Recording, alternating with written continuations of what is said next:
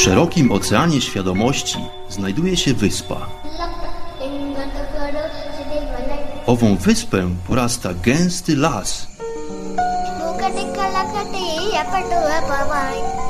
W dalekiej głębi tego właśnie lasu znajduje się słoneczna polanka.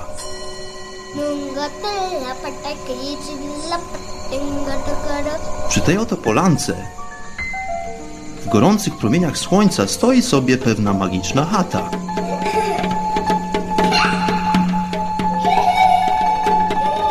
Właśnie tam żyje pewien mistyk.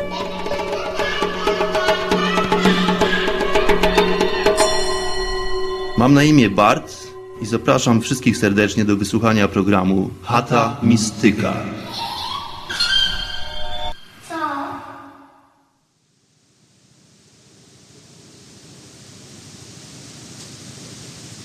Namaste. Hariom. Witam wszystkich serdecznie. Bardzo mi miło, że udało się odnaleźć Tobie gęstą ścieżkę w lesie świadomości, drogi przybyszu, drogi gościu chaty mistyka. Ja mam na imię Bart i zapraszam do kolejnej opowieści. Dzisiaj opowieść typowo podróżnicza, dlatego że jestem znowuż w podróży. Podróż staje się coraz ciekawsza, coraz barwniejsza, dlatego że od paru tygodni jestem w posiadaniu motoru. Także przerzuciłem się na dwa kółka. Motor również nie byle jaki. Motor marki Royal Enfield. Model Thunderbird 350 cm3 Twin Spark. Jest to klasyczny, bardzo legendarny w Indiach motor. Wygląda bardzo starodawnie. Jest to starodawny, klasyczny design. Motor jest przepiękny, czerwony bak paliwa i czerwone błotniki. Cała reszta w chromie. Bardzo oryginalny, starodawny styl. Jest to motor, który produkowany jest w Indiach na angielskiej licencji. Produkcja zaczęła się dawno temu, właściwie jeszcze przed II wojną światową. Pierwsze modele Royal Enfield wyszły w jakichś latach 30. No ale konstrukcja motoru e, osiągnęła swój technologiczny szczyt dopiero w latach 50. No ale od tego czasu właściwie niewiele się zmieniło. Motory Royal Enfield w wersji Bullet, czyli w takiej najbardziej znanej, powszechnej, klasycznej wersji oraz w wersji Thunderbird, czyli właśnie ten model, który ja obecnie posiadam, są produkowane właściwie od lat 50. bez większych zmian. W owych czasach był to szczyt technologicznych osiągów, więc niewiele się zmieniło. Motor wygląda dosyć oldschoolowo, no ale w tym cały właśnie jego urok. No i tutaj e, dawno temu, parę, parędziesiąt lat temu właściwie mm, posiadanie takiego motoru przyczyniało się w pewien sposób do Twojego statusu społecznego. Nie był to motor, który, na którego każdego było stać. Więc posiadanie motoru o marce Bullet, co oznacza pocisk, było jeszcze do niedawna oznaką wyższej klasy społecznej, wyższego statusu społecznego w Indiach. No, aczkolwiek w dzisiejszych czasach tych motorów w Indiach jest mnóstwo, marka urosła do miana legendy właściwie, również dzięki temu, że w latach 70. był to najbardziej popularny środek transportu dla przybywających z całego świata do Indii hipisów. Więc e, stał się ten motor obiektem kultu właściwie. Są przeprowadzane udoskonalenia na tych motorach. Motory są tuningowane, ulepszane. Pojawiają się również frywolne tablice rejestracyjne, dlatego że w Indiach tutaj właściwie można sobie założyć jakąkolwiek tablicę rejestracyjną na pojazd. Więc podczas mojej podróży widziałem już dosyć zabawne tablice rejestracyjne, na przykład taka, która, na której napisane było Mom's Gift, czyli prezent od mamy. Albo na przykład urodziłem się w zwykłej rodzinie pochodzącej ze średniej klasy, ale Royal Bullet uczynił mnie królewskim. Tak można było to przetłumaczyć. Takie właśnie wiadomości czasami figurują na tablicach rejestracyjnych.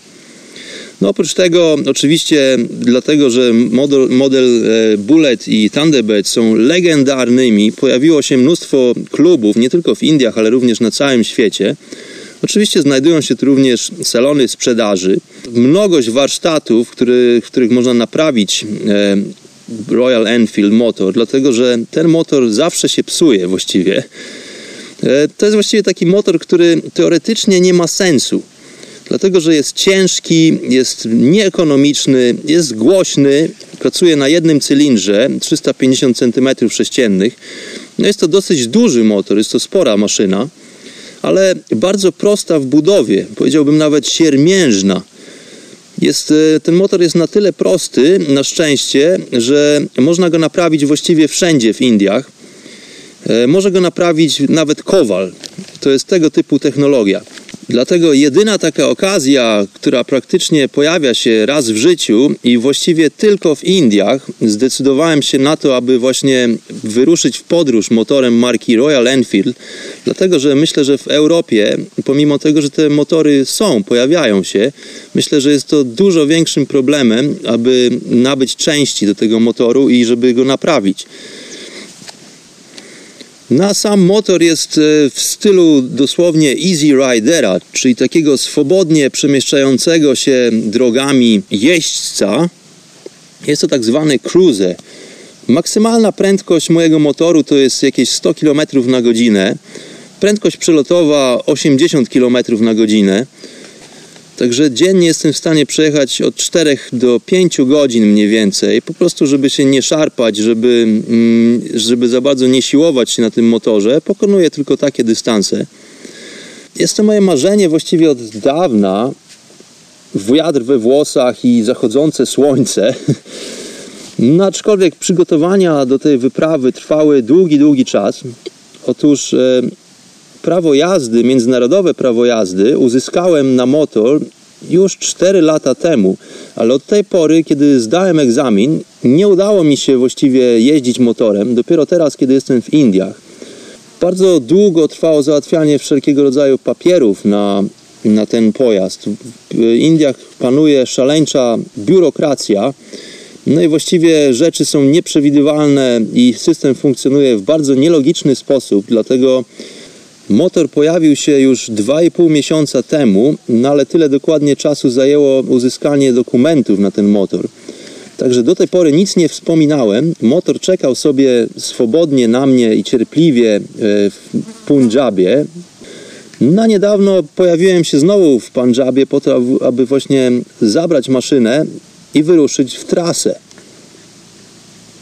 No ale motor już jest, także stałem się legendą hinduskich dróg. Jestem po prostu istny easy rider. Gdziekolwiek zatrzymam się na herbatę podczas moich podróży, wzbudzam sensację. Ludzie chcą momentalnie robić zdjęcia z białym człowiekiem na motorze. Raz nawet ktoś spytał, czy jestem z programu Discovery Channel. No, myślę, że mój widok jest troszeczkę niezwykły. Dzieje się tak dlatego, że e, no, przede wszystkim ubiór. Mam na sobie bluzę i kurtkę przeciwwiatrową, e, jeżdżę w butach górskich, no i oczywiście mam na głowie kask. Tutaj w Indiach kasków używa się tylko w bardzo wyjątkowych okolicznościach, na przykład kiedy stoi przy drodze policjant. W innym przypadku za brak kasku płaci się policjantowi tak zwany haracz, jest to normalne. Haracz wynosi mniej więcej 100 rupi, czyli równowartość e, może 10 zł. No i daje się policjantowi tą łapówkę i jedzie się dalej. Tak to tutaj w Indiach funkcjonuje. Poza tym, e, ciekawostka, kask ma obowiązek nosić tylko kierowca, a wszyscy pasażerowie jadą sobie bez kasków. I tak jak kierowca, oczywiście w klapeczkach. Wszyscy pasażerowie, dlatego że w Indiach standardem jest to, że na motorze jadą trzy osoby. To jest po prostu taki najczęstszy widok trzy osoby na motorze. No ale również widuje się bardzo często pięcioosobowe rodziny na jednym motorze. A na przykład taki skuter może pomieścić nawet do sześciu osób, bo tam z przodu jest taka podłoga, jest takie obniżenie, więc tam może stać na przykład jeszcze jedno dziecko. No i do tego matka siedząca bokiem, trzymająca jakiegoś niemowlaka, Tutaj warto wspomnieć, że kobiety w Indiach przystrojone oczywiście w swoje kolorowe suknie sari nie siedzą prawidłowo okrakiem na motorach, ale siedzą bokiem. I nawet instaluje się na motorach po boku tylnego koła takie specjalne osłony, żeby się kiecka nie wkręciła w szprychy. No i jedzie sobie taka cała rodzinka i oczywiście tylko ojciec ma na głowie kask. W Indiach e, motorów jest mnóstwo, bo jest to główny sposób transportu społeczeństwa. Społeczeństwo jest w większości bardzo ubogie, tym samym większość ludzi jest e, słabo albo w ogóle niewyedukowana. Dlatego często nie potrafią nawet pisać lub czytać, więc e, często też nie posiadają nawet prawa jazdy. Na wioskach widuję dzieci, które jeżdżą motorami. To jest widok, który czasami mnie zatrważa. Mały chłopiec, ma może 8-9 lat, pociska sobie motorem po drogach, nie tylko po lokalnych drogach, ale po takich przelotowych autostradach. No i oczywiście e, użytkownicy drodzy, drogi nie znają zasad ruchu drogowego, więc e, ruch uliczny dla ludzi z zachodu w Indiach jest rzeczą bardzo szokującą. Dlatego, że nie ma tu żadnych zasad logiki, a wręcz przeciwnie. E, to jest taki ruch, który nazwałbym takim bajonicznym. Nie wiem, czy jest takie nawet słowo w języku polskim. Bajoniczny, czyli w jakiś sposób naturalny. Taki zgodny z biologią, powiedziałbym. Bardzo często tutaj słychać klakson. Właściwie w większych miejscowościach e, klakson nie ustaje i słychać go przez całą noc, dlatego że wszyscy po prostu trąbią na siebie. E, cały ten ruch wygląda bardziej jak gniazdo mrówek raczej niż e, na przykład centrum Delhi. E, działa to na zasadzie jak jest miejsce przed tobą, to jedziesz, a jak nie ma miejsca, to się zatrzymujesz. ja jestem poniekąd profesjonalnym kierowcą, dlatego że mój zawód w Londynie wymaga, no powiedziałbym, wysokiej klasy umiejętności prowadzenia pojazdów po prostu, aby wykonać moją pracę, muszę najpierw dojechać na miejsce dosyć dużym e, samochodem dostawczym. No ale tutaj w Indiach to właściwie nie ma żadnego znaczenia. Całe to moje doświadczenie tutaj się nie liczy, dlatego że tutaj nie ma reguł ani nie ma tak zwanej kultury jazdy na drogach. No i co? No i nic, no i trzeba po prostu to zaakceptować, trzeba się z tym pogodzić. Nie ma sensu się irytować tutaj i stresować. Po prostu tak to tutaj działa w Indiach. Ja nie jestem też u siebie, zdaję sobie z tego doskonale sprawę. Dlatego też nie mnie tutaj się stresować, pouczać kogoś, czy próbować w ogóle coś zmienić. Po prostu tak to wygląda. Ja jestem przyjezdnym i to ja muszę zaadoptować się do panujących w tym świecie warunków. Więc e, nauka, która z tego wszystkiego wypływa, brzmi następująco. Nie oczekuj niczego, ale spodziewaj się wszystkiego. Znamienne w Indiach są takie sytuacje jak e, na przykład pojazdy poruszające się Twoim pasem ruchu. Tutaj warto wspomnieć, że w Indiach występuje ruch lewostronny, czyli tak jak w Anglii, czy w Australii, czy w Japonii, no i właściwie w wielu krajach na świecie. No i jedzie sobie taki pojazd Twoim pasem ruchu pod prąd, no i to nie tylko jest motor, ale na przykład pojawiają się również traktory i samochody, które nagle nadjeżdżają poboczem z naprzeciwka. I to dzieje się nagminnie nawet na autostradach. Pojazdy również e, nie mają lusterek wstecznych. Przeważnie motory nie posiadają mm, lusterek wstecznych, ale również znajdują się pojazdy, które nazywane są autorikszami. To są takie trójkołowce, które służą do przewozu ludzi. To są takie taksówki, które zwykle wyładowane są po brzegi. Ten pojazd jest generalnie zaprojektowany na jakieś tam powiedzmy 5 do 6 osób. No ale widziałem rekordy, gdzie takimi pojazdami przemieszcza się ponad 20 ludzi, gdzie kierowca po prostu trzyma e, osoby na kolanach u siebie, kiedy prowadzi pojazd. No i ono absolutnie nie przejmuje się lusterkami wstecznymi, po prostu trąbi sobie dziarsko i jedzie poprzez e, tłum i zgiełk ruchu ulicznego w Indiach. No ale również zdarzają się ciężarówki, które nie mają lusterek wstecznych.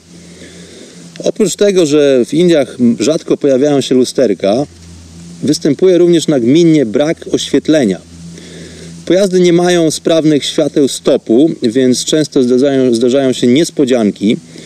Generalnie y, wieczorami kierowcy w Indiach nie włączają świateł, bo przecież wszystko widzą. Dopóki stanie się naprawdę ciemno, ciemno w nocy, to wtedy może e, skapną się i włączą światła podczas swojej podróży. No a jak już są światła włączone nocą, no to wszyscy jeżdżą na długich światłach. Więc generalnie jest to koszmar. Po prostu jazda nocą motorem w Indiach no nie jest zbyt przyjemną sprawą, dlatego że wszyscy ci oślepiają. Do tego kierowcy ciężarówek mają tendencję, aby poruszać się środkiem jezdni, a nie swoim pasem wyznaczonym. Więc często zdarza się tak, że muszę po prostu się zatrzymać i zjechać na pobocze, no i pozwolić takiemu większemu pojazdowi minąć mnie. Dopiero wtedy powracam do ruchu ulicznego. Tutaj generalnie w Indiach zasada jest taka, że im większy masz pojazd, tym więcej masz praw na jezdni. Nikt nie przejmuje się tym, że wyjeżdża z drogi podporządkowanej, ludzie nawet nie patrzą się do tyłu, przechodnie e, przechadzają się na wskroś drogi, również nie rozglądając się dookoła. No i taki to kraj, taki obyczaj. Do tego wszystkiego można dodać stan techniczny pojazdów na drogach w Indiach, który pozostawia, no powiedziałbym, dużo do życzenia. Oficjalnie e, do ruchu ulicznego, drogowego w Indiach dopuszczone są tylko i wyłącznie pojazdy, które są młodsze niż 15 lat. No ale w praktyce jest to niemożliwe, właściwie nikt się tym nie przejmuje. E, w Indiach jeździ się czym się da, także niektóre z tych maszyn naprawdę mają wiele, wiele kilometrów już na licznikach. Niektóre z nich pokonują naprawdę spore dystanse, bo nie tylko India, ale też miejsca takie jak na przykład Afganistan czy Jordania. Tam również docierają indyjskie ciężarówki. No i co z tego, że nie mają sprawnych hamulców, ale mają za to piękne pompony i wykończenia w chromie i kolorowe malunki wszędzie dookoła. No jest to niezwykły jak dla Europejczyków widok, takie duże ciężarówki w Indiach. Są to istne mechaniczne dzieła sztuki, no a dla nas, dla Europejczyków, prawdopodobnie obraz kiczu i po prostu rozpaczy. Na niespodzianki na drogach Indii to nie tylko nieodpowiedzialni kierowcy, ale również zwierzyna.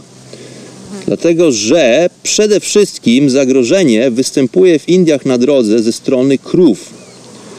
Krowy w Indiach, e, tak jak wspominałem wielokrotnie, swobodnie przemieszczają się ulicami miast. Są to dzikie krowy, które nie przynależą do żadnego domostwa.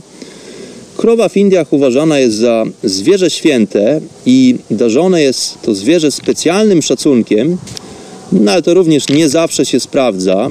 I bardzo często byłem świadkiem tego, że krowy traktuje się dosyć e, brutalnie, poganiając je patykami. One na przykład w, mia w miastach bardzo często podchodzą do straganów z warzywami, próbując skubnąć coś z takiego straganu, no i wówczas są przeganiane przez sprzedawczyków, często bite patykami lub polewane kubłami wody. No a krowy są e, na tyle liczne, również rozmnażają się e, doprawdy licznie i rozprzestrzeniają się gdzie popadnie krowa, jak wiadomo, zwierzę duże, ciężkie i dosyć powolne. Także te zwierzęta nie reagują kompletnie na odgłosy klaksonów, czy też krzyki, czy jakiekolwiek gesty kierowców. Spacerujące lub stojące w poprzek ulicy, oczywiście odżywiając się starymi kartonami czy śmieciami, jest to w Indiach bardzo powszechne, kompletnie nie reagują na jakiekolwiek sygnały, więc to ty właściwie musisz ominąć krowę w ruchu ulicznym, no bo ta krowa po prostu sobie stoi lub bardzo powolnie idzie. Na autostradach w nocy krowy stoją lub siedzą sobie gdzie popadnie praktycznie. No jest problem, bo niektóre są czarne. Ich po prostu w nocy nie widać. Więc e, moja wyuczona osobiście reguła i tutaj porada dla przyszłych użytkowników dróg w Indiach jest taka. Krowę omijamy zawsze od dupy strony. Bo jak taka krowa sobie stoi, to, to raczej się nie cofnie, ale są takie przypadki, że może nagle ruszyć do przodu. Na przykład decydując się na małą przechadzkę na drugą stronę autostrady. Więc e, zawsze omijaj krowę od tyłu. oprócz krów istnieją inne zwierzęta, które pojawiają się na drogach Indii. Oczywiście będą to zgraje bezdomnych psów, które tutaj panoszą się gdzie popadnie. Są to często stada kóz, no ale są to również na przykład małpy. Przydarzyła mi się taka historia niedawno. Przejeżdżając przez pasmo gór, widziałem naprawdę setki, setki pawianów przy drodze. Te małpy bywają dosyć agresywne. No, pomimo tego są to dosyć sprytne bestie, więc e, potrafią bardzo sprawnie coś człowiekowi ukraść. Potrafią podbiec i wyrwać coś z rąk, albo na przykład są w stanie otworzyć torbę czy plecak. Więc e, kiedy jechałem tymi górami w towarzystwie tylu małp, zdecydowałem, że lepiej się właściwie nie zatrzymywać, dlatego że sytuacja mogłaby okazać się lekko nieprzyjemna. No ale pojawiają się też inne niespotykane gatunki przebiegające przez drogę, kiedy jadę motorem, takie jak na przykład pawie z przepięknymi ogonami. Pojawiają się również łasice, widziałem również skoczki pustynne, czy tak jak ostatnio, wielbłądy. Wielbłądy, no bo jak nagrywam ten odcinek Chaty Mistyka, siedzę sobie, moi drodzy, na pustyni w Rajasthanie. To właściwie jest taka wielka oaza na pustyni, to miejsce, w którym jestem. No ale zanim znajdziemy się na pustyni, chcę opowiedzieć po trosze, co wydarzyło się wcześniej, zanim się tu znalazłem. A przejechałem motorem już prawie 2000 km, więc również wydarzyło się dosyć sporo. Parę tygodni temu miejscowość Rishikesh, położona nad świętą rzeką Ganges, otoczona himalajskimi górami z mnóstwem odizolowanych jaskiń, gdzie bardzo często przesiadują jogini, którzy zwani są baba. Jeżeli ktoś nie zna opowieści, to polecam gorąco epizod pod tytułem Sadu, gdzie opowiadam o tym temacie troszeczkę szerzej. Więc Rishikesh opuściłem z moim nowym przyjacielem, babą Mohan Puri, już parę tygodni temu. Pojechaliśmy jego motorem. Podróż zajęła jakieś 5 godzin. Zabrał mnie do swojego miejsca w sąsiednim stanie Haryana. Malutka wioseczka, farmerzy trzciny cukrowej głównie, bardzo ubodzy i bardzo ciężko pracujący ludzie, bardzo pokorni ludzie również. Okazało się, że Mohanji jest opiekunem wioskowej świątyni Hindu. Za świątynią stoi sobie mały domek tuż obok e, głównego budynku. To wszystko na obrzeżach malutkiej wioski, gdzie żyje ze swoimi dwoma psami. Obok świątyni jest również wioskowa szkoła. No i dzieci uwielbiają babę Mohana. Zawsze otoczony jest radosną gromadką, pokrzykującą i produkującą mnóstwo jazgotu. Zwykle Mohanji ma dla dzieciaków jakieś słodycze lub orzeszki ziemne w kieszeni. No i dzieci bardzo lubią bawić się w świątyni. Czasem nawet zdarza się tak, że rodzice traktują dom baby G jak takie przedszkole właściwie i zostawiają tam dzieci na cały dzień pod opieką. Spędziłem tam dwie noce, bawiłem się z dziećmi, e, spędzaliśmy wieczory przy ognisku. No i po dwóch dniach udałem się autobusem do Punjabu. Więc znowu Punjab, kraina brodaczy, znajome twarze, zapoznane podczas mojej poprzedniej wizyty, no i odbiór oczywiście mojego żelaznego rumaka. Po paru dniach ostatnie kontrole techniczne maszyny, ostatnie drobne naprawy, zakup kasku oczywiście, no i w drogę. Pierwszy cel to był Amritsar. Amritsar to jest miasto na północy Punjabu, gdzie znajduje się najważniejsze dla wyznawców sikhizmu miejsce. Słynna Złota Gurudwara. O sikhizmie oraz drugiej bardzo znaczącej religii w Pandżabie opowiadałem w odcinku Chaty Mistyka zatytułowanym Kraina Brodaczy, do którego gorąco wszystkich zachęcam, jeżeli nie znasz jeszcze tych opowieści. No i tutaj w Amritsar po wielu godzinach wytężonej jazdy i nawigacji dotarłem do świętego miejsca Sikhów. Miejsce bardzo świetnie zorganizowane. Byłem naprawdę pod wrażeniem. Pomimo, że pojawia się tam dziennie mnóstwo pielgrzymów, to liczy się naprawdę chyba w setkach tysięcy, oraz pojawiają się również zwykli turyści i tacy ciekawscy, to wszystko zorganizowane jest tak, aby przyjąć te masy ludzi i żeby wszystko odbywało się bardzo sprawnie. Także sama świątynia to nie tylko jeden budynek, tylko cały kompleks budynków wokół tej świątyni. Ulice wokół kompleksu e, Złotej Góry Dwary są właściwie czyste, powiedziałbym, co w Indiach rzadko się zdarza. Oczywiście sama świątynia w najwyższym hinduskim standardzie porządku. Tutaj Sikhowie są bardzo rezolutni, jeżeli chodzi o tego typu sprawy. Są to dosyć zamożni i bardzo zaradni ludzie w większości. E, prowadzą oni biznesy nie tylko w Indiach, ale również na całym świecie. Gurudwary znajdują się również w Stanach Zjednoczonych i w Kanadzie na przykład, ale nie tylko. Jest jedna gurudwara pod Warszawą również. Na sam sikhizm jest to młoda, ale bardzo silna religia i bardzo mocna tradycja, powiedziałbym. Sikhowie wspomagają się wzajemnie, ale też inwestują znaczną część swoich dochodów w owe gurudwary. No i stąd też e, każdy przybysz jest tam mile widziany, nie tylko w złotej gurudwarze, ale ogólnie w jakiejkolwiek gurudwarze na świecie.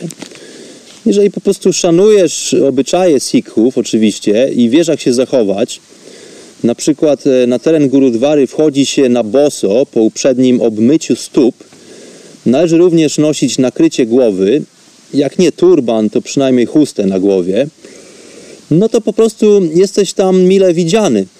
Znajduje się tam e, również darmowa jadalnia w takiej gurudwarze. W przypadku Złotej Gurudwary w Amritsar przepływ i napływ ludzi był dosyć znamienny. Także Gurudwara serwuje posiłki 24 godziny na dobę. No i wydawane one są po prostu w tysiącach. W ogóle świetnie wygląda proces e, zmywania naczyń tutaj w tej jadalni w Złotej Świątyni. Są to oczywiście metalowe talerze i miski, co jest dosyć powszechne w Indiach.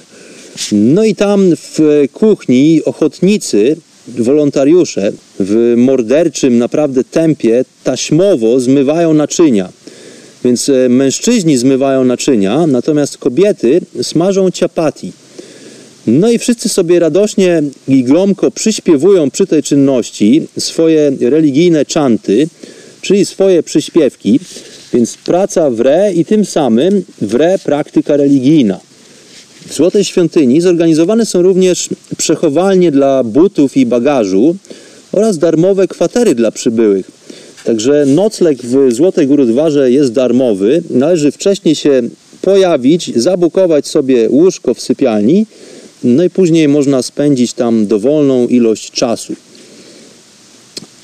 Przy Złotej Gurudwarze znajduje się również centrum multimedialne z wysokiej klasy projektorami i systemem nagłaśniającym oraz bezprzewodowymi tłumaczami firmy Sennheiser.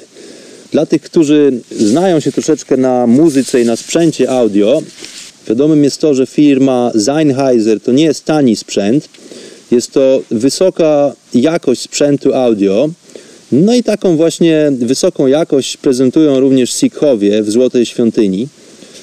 No ale w tym centrum multimedialnym dowiedziałem się troszeczkę o historii tego miejsca, no i dowiedziałem się również o dosyć krwawych rozgrywkach, które to zafundowali Sikhom początkowo muzułmanie podczas swojego najazdu na Indię. To są dawne, zamierzchłe czasy.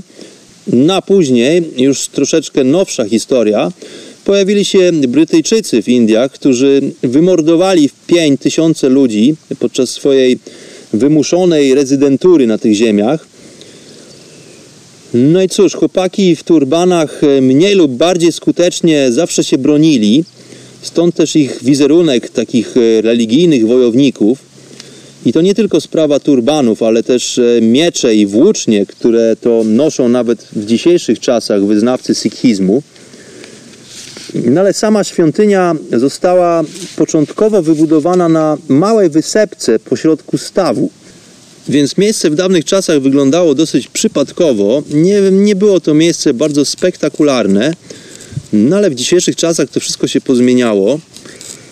Więc y, kiedyś ten mały stawik, otoczony bardzo starymi drzewami rzekomo, Teraz e, wszystko wyrżnięte w pień, poza jednym starym drzewem pozostawionym na terenie e, tej świątyni, po to, aby po prostu udostępnić miejsce dla licznych budynków, które pojawiły się w kompleksie świątynnym. No, no trzeba było zrobić miejsce i dlatego wycięto te wszystkie stare drzewa na nieszczęście. Sam stawik został zamieniony w taki kwadratowy akwen, w taki basen, który teraz rzekomo wypełniony jest świętą wodą. No jest coś e, znowuż na temat tej wody, dlatego że to jest moim zdaniem starodawna tradycja. To wszystko wypływa gdzieś tam dawno, dawno temu z tradycji joginów, którzy to również e, omawiali fakt taki, że wodę po prostu można zaprogramować. E, woda to jest energia, to jest przejawianie się energii w bardzo specyficzny sposób, bo woda również e, jest w stanie zaabsorbować bardzo łatwo częstotliwości. Więc tu również dosyć łatwym procesem jest programowanie wody i nadawanie jej odpowiedniej wibracji. Ten fakt, ten fenomen wykorzystuje się w wielu różnych technologicznych e, zagadnieniach. No ale tutaj w przypadku religijności czy też duchowości woda ma również bardzo znamienne znaczenie.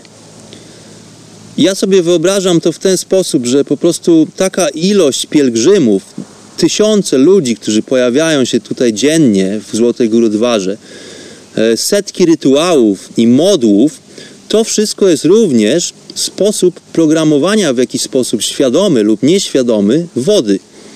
Dlatego właśnie ta woda nabiera bardzo specyficznych właściwości pomimo tego, że być może pielgrzymi, większość z nich nie zdaje sobie sprawy z tych procesów technologicznych, które zachodzą w wodzie, woda zmienia się nie na e, zasadzie struktury chemicznej, ale jest to bardziej zmiana na płaszczyźnie molekularnej.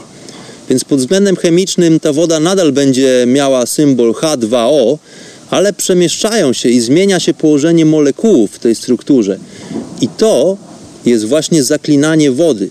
I to dzieje się w różnych, różnych tradycjach religijnych, ale również jest to nauka, która wypływa moim zdaniem bezpośrednio z pradawnych Wedów, czyli z pradawnych skryptów opisujących to, jak wygląda istnienie i jak funkcjonują fenomeny w naszym świecie przedmiotów. No ale jeszcze chwilę o samej Złotej Świątyni.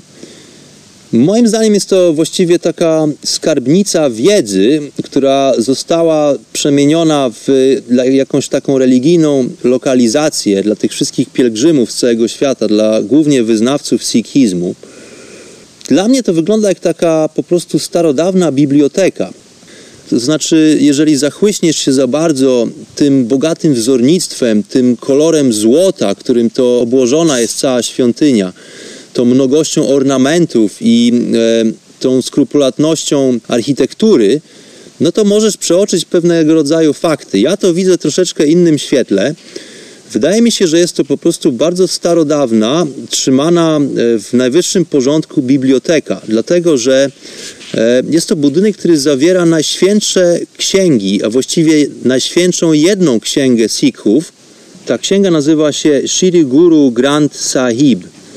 Księga uważana za totalnego guru, czyli mistrza duchowego, religijnego Sikhów, który przejawia się nie w formie ludzkiego ciała, ale w formie wiedzy. No i ten koncept dosyć mi się podoba. Historia w skrócie jest taka, że w sikhizmie figurowało dziesięciu guru, mistrzów religijnych. Początkowo, moim zdaniem skromnym, byli to praktykanci jogi, Później, w późniejszych czasach zamieniło się, ten cały precedens zamienił się po prostu w religię. Ludzie, którzy ślepo podążają za e, sobą, niczym owczy pęd. Religia stała się dosyć powszechna i pospolita, aczkolwiek, e, no niestety, jak to w przypadku wielu wyznawców religijnych, e, ludzie ci nie rozumieją właściwie konceptu, który opisany jest w skryptach ale tylko po prostu powielają płytkie rytuały, które właściwie nie są te, częścią tej technologii. No ale właśnie sam koncept, że, mm, że mistrzem, najwyższym mistrzem duchowym jest nie człowiek, który jest czczony i wielbiony, tylko właśnie sama wiedza. Wiedza zawarta w owej święcej księdze.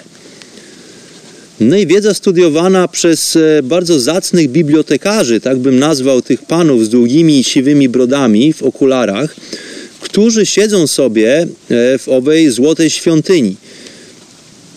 No więc wygląda to mniej więcej tak, że siedzi sobie takiej wysokiej klasy kapłan e, w owej złotej świątyni przed potężną, potężną księgą zapisaną ręcznie, no i przekłada bardzo ostrożnie stronicę, no i czyta. I coś sobie tam deklamuje. Ja myślę, że sama księga ma dosyć dużo wartości, cała ta wiedza zawarta w tych skryptach. To jest generalnie stara wiedza wypływająca gdzieś początkowo od pierwszych joginów, moim zdaniem. No ale właśnie ci wysokich rang panowie z długimi, siwymi brodami dosyć dużo kumają chyba z tego wszystkiego. Aby znaleźć się z taką funkcją, myślę, że musieli naprawdę rzetelnie przestudiować te wszystkie teksty. No ale z drugiej strony mają też e, dosyć ważną w tej religii funkcję reprezentacyjną. Dlatego, że dziennie ogląda ich po prostu tysiące ludzi, więc oni muszą wyglądać w odpowiedni sposób, w odpowiedni sposób się również zachowywać. No ale większość z pielgrzymów przybywających do Złotej Gurudwary to raczej takie pospólstwo, powiedziałbym. Najważniejsze jest to, żeby zrobić sobie słynne zdjęcie selfie ze Złotą Świątynią w tle. No i to się liczy dużo bardziej, miałem wrażenie, niż jakiekolwiek powody religijne, tudzież duchowe. Więc to moim zdaniem taka kolejna po prostu religijna żenada. z Armitsar wybrałem się na granicę z Pakistanem, dlatego że jest to dosyć blisko pakistańskiej granicy, aby obejrzeć słynną ceremonię opuszczania flag o zachodzie słońca. Jest to taka impreza, która odbywa się codziennie. Zjeżdżają się tysiące ludzi po obu stronach granicy, i po stronie indyjskiej, i po stronie pakistańskiej. Wybudowano tam również potężne audytoria dla ludzi, aby pomieścić po prostu tych wszystkich wizytatorów. Impreza jest dosyć huczna, no ale wygląda to mniej więcej tak, że żołnierzyki w galowych mundurach paradują sobie i tupią po obu stronach bramy granicznej. Ludzie wrzeszczą w patriotycznych konwulsjach, no ale generalnie atmosfera pomiędzy Indiami a Pakistanem jest dosyć napięta. No i to trwa już wieloma, wieloma latami. Hindusi nie lubią właściwie Pakistańczyków i na odwrót.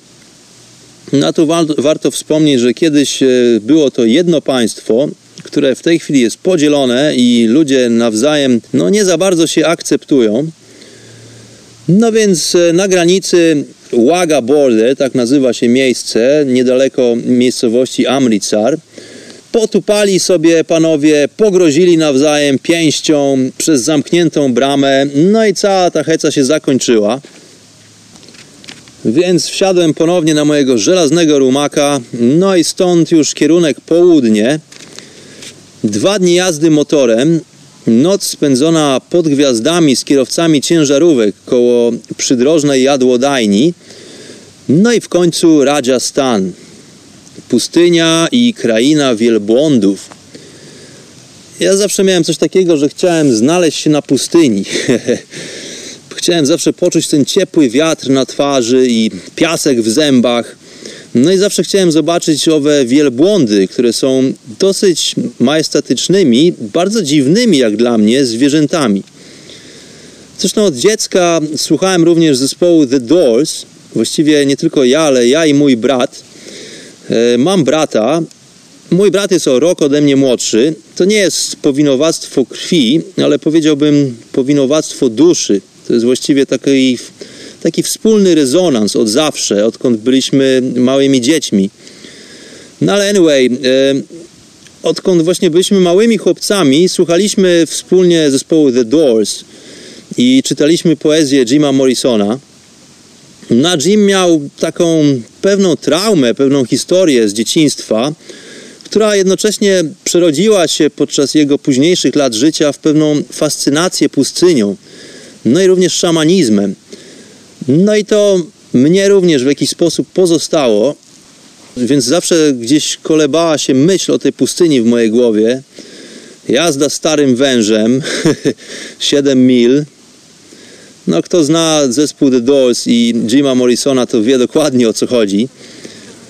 No więc jestem, jest pustynia, jest motor, jest wiatr we włosach i piasek nie tylko w zębach, ale w oczach i gdzie się da. No ale drogi w Rajasthanie właściwie są zadziwiająco dobre. Byłem zaskoczony. To znaczy drogi są dobre jak są.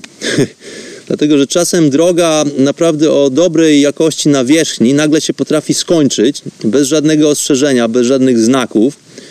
No i tutaj powiedzenie, że Indie są zaskakujące, dosyć mocno się sprawdza w tym przypadku. No ale jazda w Rajasthanie jest dla mnie przynajmniej bardzo, bardzo miłym doświadczeniem. Dlatego, że ruch jest niewielki, czasem pojawiają się ciężarówki, czasem przejdzie jakiś wielbłąd, no oprócz tego to jest po prostu czysta przyjemność i frajda i po prostu easy riding. Więc mój pierwszy stop w Rajasthanie to było tak zwane Złote Miasto, Jaisalmer. Dzisiaj dosyć dużo tego złota wszędzie, no ale tak również nazywa się właśnie ta miejscówka, do której przybyłem, daleko, daleko na zachodzie Indii, przy granicy z Pakistanem. Miasto Jaisalmer, bardzo stare miasto, znajduje się na pustyni na skrzyżowaniu pradawnych szlaków handlowych. Dlatego jest to miasto, które zaznaczyło się na mapie Indii już w bardzo, bardzo dawnych czasach. Domy tradycyjnie wykonane są z piaskowca, z niesamowitym zdobnictwem i naprawdę kunsztownym detalem. Pojawiają się przepiękne fasady budynków, no i generalnie cała architektura miasta jest bardzo zachwycająca. Zwieńczeniem tego wszystkiego jest tak zwany piaskowy zamek. Piaskowy zamek w Jaisalmer to jest taki fort, fortyfikacja wojenna, która wybudowana została na wzgórzu. No bo wiadomo, e, szlak turystyczny, wcześniej szlak handlowy, więc e, pojawiały się różnego rodzaju inwazje. Tutaj lokalna ludność musiała bronić się, więc wybudowano sobie przepiękny e, fort, wykonany praktycznie z piasku. Fort stoi sobie na wzgórzu oraz przy zachodzącym słońcu nabiera koloru właśnie złotego. Dlatego nazwa Złote Miasto. W samym forcie mieszka jakieś 25% populacji Jaisalmer, więc e, no jest to dosyć spory obiekt. Znajdują się tam stragany, pięknie rzeźbione świątynie oraz restauracje i hoteliki dla turystów. Spędziłem w tym forcie dwie noce, śpiąc po zamknięciu w restauracji, dlatego że obecnie jest sezon wakacyjny w Indiach i również w Jaisalmer wszystkie pokoje były wynajęte, więc e, no nie był to dla mnie problem, zdarzyło się to wielokrotnie wcześniej. Po prostu trzeba dogadać się z właścicielem takiej restauracyjki, dać mu jakieś tam drobne pieniążki. No i po zamknięciu interesu po prostu miałem dla siebie pokój właściwie maharadży, można by powiedzieć. E, z tradycyjnymi pustynnymi dekoracjami i wspaniałym, naprawdę przepięknym widokiem na miasto w dole, no i pustynię w oddali. Oprócz tego jedną noc spędziłem w obozowisku na pustyni wraz z parą podróżników z, ze Stanów Zjednoczonych. Bardzo mili ludzie, którzy są już w drodze od ponad roku. No i przemieszczają się nie tylko w Indiach, ale byli też niedawno na Madagaskarze i właśnie planują lot do Kenii. No i spędziliśmy sobie we trójkę bardzo przyjemnie czas wraz z lokalnym przewodnikiem, takim prawdziwym pustynnikiem z wielbłądami. Udało mi się nawet zasiąść w siodle i przejechać na wielbłądzie po wydmach i po okolicy. Będąc na pustyni, udało mi się również odwiedzić oryginalny obóz cyganów, jak niektórym wiadomo, Cyganie to jest taki wędrowny lud, który właśnie pochodzi z Indii. Prawdopodobnie tutaj z obszaru pustynnego, zwanego Rajasthanem. Są to ludzie, którzy przemieszczają się podczas swojego życia, nigdy nie osiedlają się na dłuższy okres czasu. No i stąd właśnie ta ich charakterystyka e, tego ludu cygańskiego, który to podróżuje po, również po znacznej części Europy, Polsce również jest mnóstwo Cyganów. No są to ludzie, którzy przybyli właśnie tutaj z terenu Indii. Bardzo specyficzna i bardzo bogata również kultura, muzyka i taniec cygański, którego udało mi się doświadczyć również. No i dosyć ciekawa historia, jeżeli popatrzeć na to z odpowiedniej perspektywy.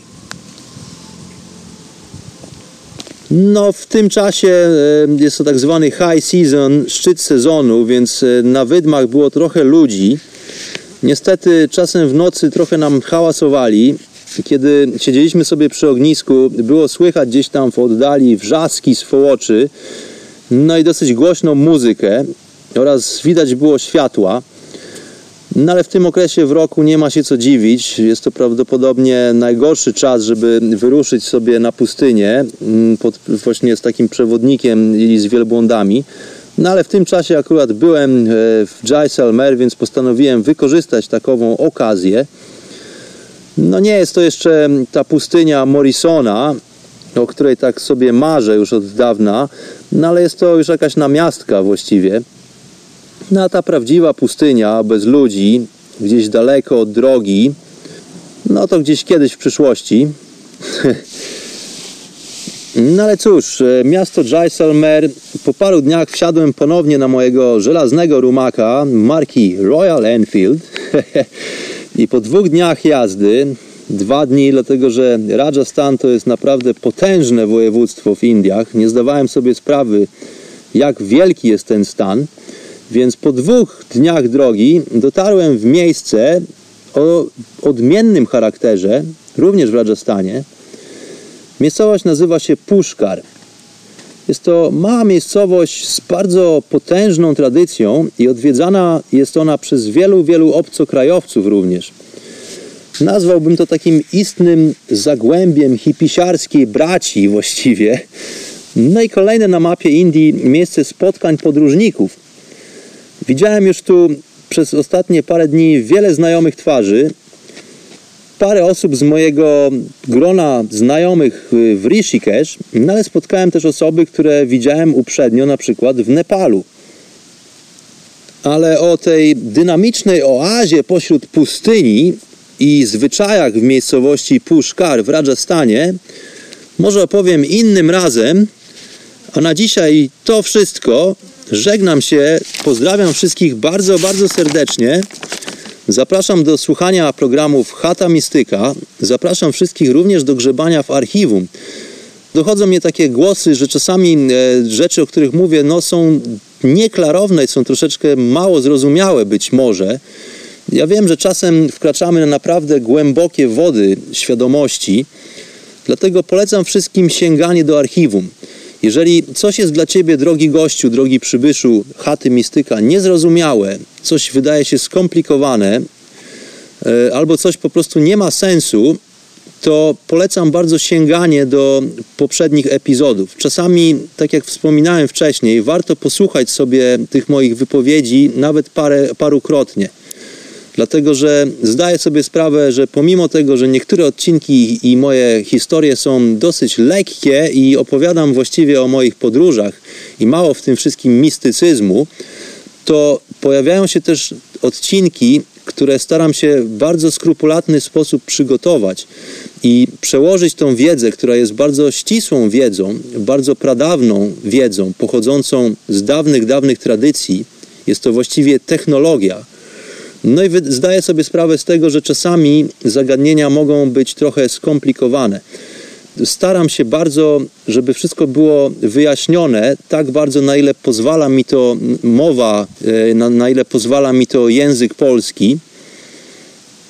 No, aczkolwiek czasami e, chata mistyka jako audycja wymaga chyba troszeczkę skupienia, no i wymaga poświęcenia troszeczkę czasu, może w odosobnieniu słuchając tych zagadnień.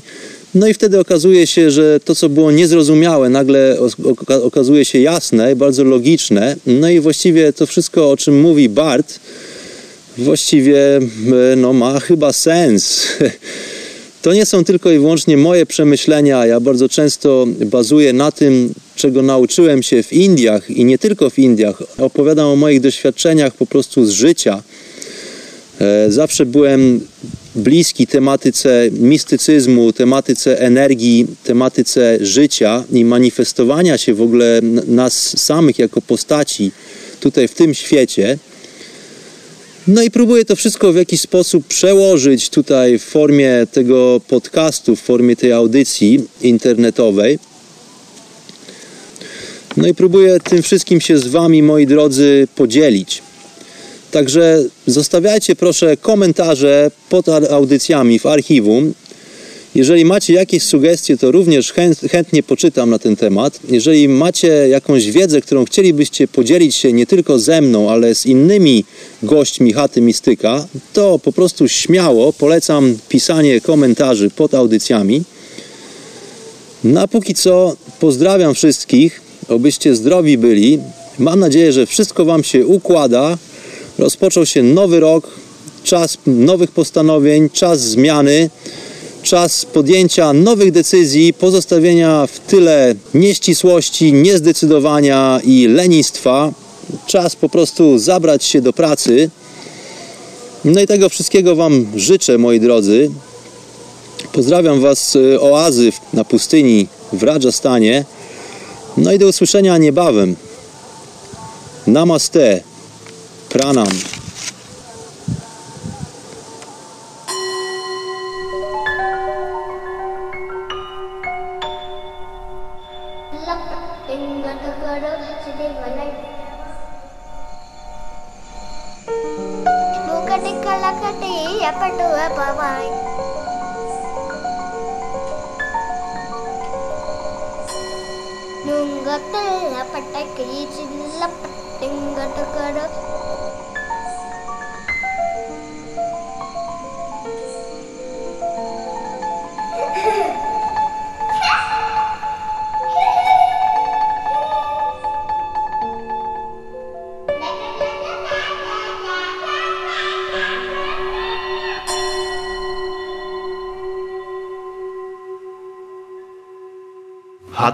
Chata Mistyka.